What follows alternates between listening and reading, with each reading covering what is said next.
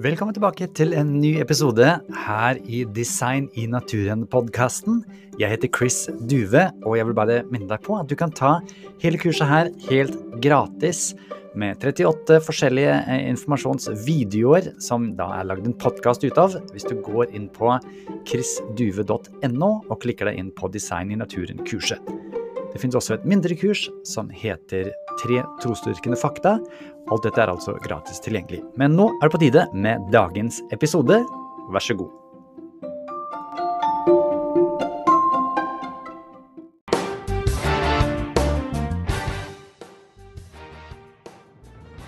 Welcome back to you, uh, Dr. James Tour. Thank you. Um, you know, one of the objectives of this online course is to help young Christians become stronger in their faith in God, uh, in their witness. And so I'm wondering a little bit about uh, science and God. You know, what would science look like if there was no God? Well, I can tell you a lot of the early scientists, like like Isaac Newton and Rutherford, I mean, we we we have real problems because they may not have have uh, been there to to help us discern some of these things. I mean, and, and it's it goes across so many different fields of science and medicine. Uh, but but uh, uh if there was no God, uh, well, I mean, many people come with that naturalistic mindset, and then you have to say, "Wow, this Earth is is coincidentally." Amazingly well tuned for life because there's so many parameters that had to be absolutely in this setting in order for this planet to be able to even host life. If you change the dipole moment of, of, uh, of water just ever so slightly, life doesn't exist. So, so there's so many things that had to be well tuned. So if there is no God, then there's amazing coincidence, but not just one coincidence, one after another, after another, after another. And uh, so you got a world filled with lots of very happy coincidences. And if you say, well, there's plenty of time, no, no, no, no, there's very little time. If you take all the time of the universe, the 14 billion years, if you take all of that 14 billion years, it is way, way too short to come up often with even one of these coincidences. And now you need multiples of them.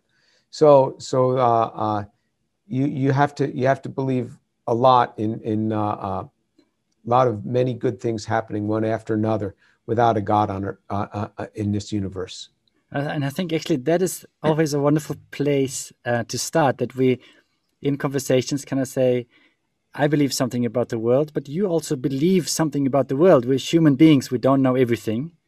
And I think that's often where people get a little bit tricked, where they say, I, I don't believe in God, so I don't believe something, I know something, but you believe in God, so therefore you're believing some fairy tale, you know, to make it happen. But I think let's let's meet on the same level. You know, nobody was there when life started, when the earth started. We all believe something about it. And the reason I don't like to mention God when I'm talking about scientific topics like origin of life, people would say, oh, you see, he had to appeal to God. No, I can use science just to, to deal with these scientific issues because science itself screams out that these origin of life models don't work. Science itself is condemning of it. And so if I bring in God, people say, you see, he had to use God. That's why I then separate and say, look, I'm just going to speak science now. It's not that I've forgotten about God. It's not that I can't just turn on a dime and start talking about God again if I wanted to. I certainly could. But I want to show that science itself deals with it. How does being a believer in God, thinking that there is a God who is responsible for, for the universe, how does that influence how you do science? Well, you know, I, I, I do not pray that God would make my reaction work to the exclusion of anyone else's reaction because in my business whatever i do somebody else has to be able to repeat it. So i am praying more for guidance and insight. So i say lord make me creative. Lord give me creativity. Creativity is a very hard thing to define. It's not something that you notice immediately on a typical exam. It's not it's not ability to memorize large amounts of information uh, creativity is something different. And in my field, that's what distinguishes us. If somebody is really creative, then you read their papers and you go, wow, I wish I would have thought of that. That, that's, that's the mark of creativity when someone in your field looks at that and they go, that's remarkable. So that's what my prayer is like around doing science. And I think something maybe that you didn't mention now, but that I at least see in in how you do things is that, and I think it's because you're a Christian. Because as Christians, we really also call to honesty and humility. In, in one of the YouTube battles that's going on now, uh, you admit to saying, "If I said that, I'm so, I, apologize. That was wrong. Uh, I'm not sure I said it because some things you know were misquoted, but." You have an honesty and a, a humility, which I think comes also from being a Christian. Absolutely. I do that because Jesus is in my life and I'm accountable to him. And for me to say, I'm sorry, I was wrong, I mean, that's the story of my life. I mean, I ask my wife. and so, so for me to confess that I was wrong on something, I mean, I'm wrong all the time.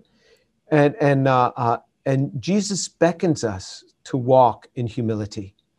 I'm not sure I do a very good job with it. I'm glad, Chris, it's come through to you, but uh, I, I, I, am not sure that I do a very good job. But I'm thankful for whatever is there. It's because of the love of my Lord. Jesus said that He is gentle and humble in heart, and I want to be like Him. And uh, I don't want to drive people off. I want to draw them in. I want them to come to see my Jesus and how wonderful He is. So if if I could image some of him in my life, I would love to be able to do that. I, I fall so f- far short, I feel. So whatever little bit comes through, I'm thankful for it. Good stuff. Um, I have a quote from you uh, on this book that just came out with uh, Stephen Meyer. Okay. And uh, you say on the cover here, uh, when you don't understand the details of living system, ignorance permits discounting a creator. But when the details of science are thrust upon you, you're forced to ask, how on earth literally did that happen? Thus, the God hypothesis returns. Stephen Meyer convincingly drives the point home. How could it be this way? Only God. Um, what do you think um, when when you when when you know maybe our young people here in Norway are hearing that uh, well, there's a strong explanation in Darwinism how is the God hypothesis a stronger explanation, do you think? Yeah, when, when I see this whole idea of Darwinism coming forth, and, and Darwinism, people have morphed this idea. It has really moved less to Darwinism and more now toward universal, this idea of universal common descent. And, and uh, um, so, so there are so many details which are hard to fathom at the chemical level. And I have sincere friends that, that follow a, a naturalistic mindset in, in this and follow the, the, this universal common descent model where, where the changes are not Darwinistic, a small change, a small change. It was the changes are are the, the normal changes that occur from a parent to a child to a grandchild to, and so forth, that, that you get these small genetic changes and then you get these modifications. I don't see the chemistry that would allow creatures like us. I don't even see the chemistry that allows this even within a single cell. I mean, the complexity of this. But if you take it to higher organisms where you have to have all of this diversity, uh, and many, many concerted lines of evolution would have to be occurring at exactly the same instant in time. It's hard to understand that chemically. It's hard to fathom that chemically, at least for me. I, I feel that there are many sincere people that look at it differently. They look at it from a naturalistic mindset. It's hard for me to understand that and to grasp those details. And what's interesting about this, Chris, is it's hard for them too it's hard for them to, to understand the chemistry of what goes on here because I have discussions with them, and the way they speak it, behind closed doors with me is different than the way they speak publicly with others. I was once visiting a biophysicist at uh, the Weizmann Institute, and he was describing to me the he studies the ear, and there's a there's a there's like a bar in the ear that that that vibrates, and this bar is different in its stiffness all along the bar. And that difference in stiffness allows us to hear an amazing tonal difference as human beings. It's very hard to make a material. So, one of the things that I do, I'm a materials scientist as well. It's very hard to make a material with a modulating change in stiffness as you go along, uh, to make that controllably. Very hard to make something like that. So I asked him as he's describing his work to me, I said, How does something like that evolve? And he immediately said, Oh, Jim, we all believe in evolution, but we have no idea how it happened. So, you know, this is this is from you know the people who are living and working in that area. Um, yeah, I really feel oftentimes with people I meet on the streets or, or, or when I'm at high schools, and sometimes we do we got this thing in Norway called barbecue a Christian. Oh, really? So we get four Christians to go to high school at senior high school, and everybody can come to the auditorium and ask us any questions they want. You know about science and God, or uh, you know, yeah, just things they've heard about Christians or abortion or or whatever. And uh, yeah, then there's four of us, and we just answer from the best we know and try and be humble. And uh, oftentimes, this myth that science has proven that we don't need God is really a, a wall between them and mm. moving mm. further. You know, so this stuff, I think, it's really gonna, yeah, open people's um, hearts and minds. I think. I'm really happy to hear that because you know the, the thing about me is I never I was never drawn a, aside from the Lord because of science. Never drew me aside. So I didn't realize how much of a stumbling block science can be yeah. to people. And it wasn't until people started telling me that that I realized this, and this is this is what I find when people contact me. They say, "Wow, your videos have really brought me back to the faith, which I drifted away from in college because of what I had been learning." And so, it, it, it's always refreshing to me to to to hear that that what I'm saying is a help to people because I never experienced that as a draw away from the Lord. Uh, so I didn't realize that it was a, such a stumbling block until actually the last four or five years. And there have been other conversations that I've had with people, even, even Nobel Prize winners in my office. And I've asked them, Do you understand this? Do you understand how, how this DNA would form, how it would form in this? And uh, um, they just look at me, don't say a word, don't say a word. You know, so there, there's, there's, there's, uh, uh, there, there, the way they project themselves is different when I'm alone with them than the way they do in public because there's so much here that's difficult to understand. In a way, what I'm hearing is it would be difficult to understand in a materialistic setting, but that's why this information of how much is needed to have these things come together leads you to kind of join Stephen Meyer in his conclusion, or, or what is your what is your conclusion? For me, it it it's the other way around, Chris. Okay. I I came to know Jesus as my savior at the age of 18 when I was in college. He became my closest of companions. I love him so much. He is everything to me. Regardless of what I saw in the world, Jesus remains my Lord. So it's not the science that brought me to God. No way. I mean, the, the, for me, the, the, the relationship with God predates the vast majority of my scientific understanding. Um, and so, so um, uh, when I see things that are scientifically amazing, I don't immediately say, well, we'll never have a naturalistic explanation for that. No, I never say that to myself. I just say, wow, Lord, you created this beautifully. This is amazing. this is just utterly amazing. And I appreciate him all the more. Now, there may be a naturalistic explanation in the sense that, you know, this happened here and then this happened here and then this happened here. There are naturalistic explanations for things that, that, that I may not be able to rationalize. So it's amazing that you take one little seed, you put it in the ground, and a few hundred years later, you have a big oak tree. I mean, there's a huge, huge amount of chemistry going on. I understand some of that chemistry. I don't understand it all. Just because I don't understand a part, I don't immediately say, okay, so there must be God for that part that I don't understand. That never enters into my mind.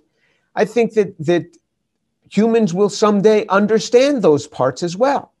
So e- even if you look at a, a, leaf on a tree, there's a magnesium atom sitting, sitting in the me- middle of a porphyrin and there's a funnel that funnels in light to hit that atom.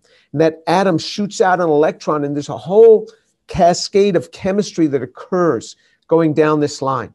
I understand parts of that, other parts we don't know, know about and understand. But that's how the tree gets it, it, this source of life that, that, that starts this photosynthetic process that takes CO2 and converts it into the carbon that builds the tree and releases oxygen.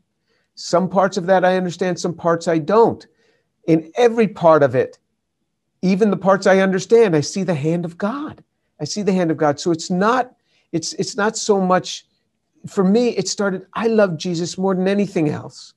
That's not going to change. And if we figure out the origin of life, that doesn't upset my faith one bit because my faith is based on the resurrection of my blessed Lord Jesus and not on knowing the origin of life. So it's it's a little bit different for me. Good, and that is something I've appreciated when I've spoken to you know Michael Behe and uh, Jonathan Wells and different people. Everybody has yeah their own road, you know. Um, but it seems like those roads usually converge uh, Uh, in the God of the Bible and also in Christ. So I think that has something to do because those things have to do with reality, as it were which is kind of where we started. So I thank you so much for your time. I thank you for your passion. And I really, yeah, just want to repeat my encouragement of saying, please continue with the YouTube battles because you're really helping people to open their minds and and maybe even though you you don't need it, I think science, like you're saying, is shouting God also through what you're doing. So thank you very much for how you're contributing to that. Well, I thank you, Chris, and and uh, if I could just give a plug, the YouTube channel is Dr. James Tour. So if you just went into YouTube, Dr. James Tour, you'll find that that that site. And and uh, uh, even when you say YouTube battles, I I'd rather have it be a YouTube conversation and uh, uh, uh, have it come forth in that way. I'm going to try to have it be more conversation like. I, I know that I get passionate and excited, and sometimes I raise my voice, and but but it, it I, I don't want it to be a battle. I want it to be a conversation. I think we could we could get more done that way. So so I'll, I'll try to present it in that way. well, I think you're doing a wonderful job. Thank you so much. Thank you, Chris.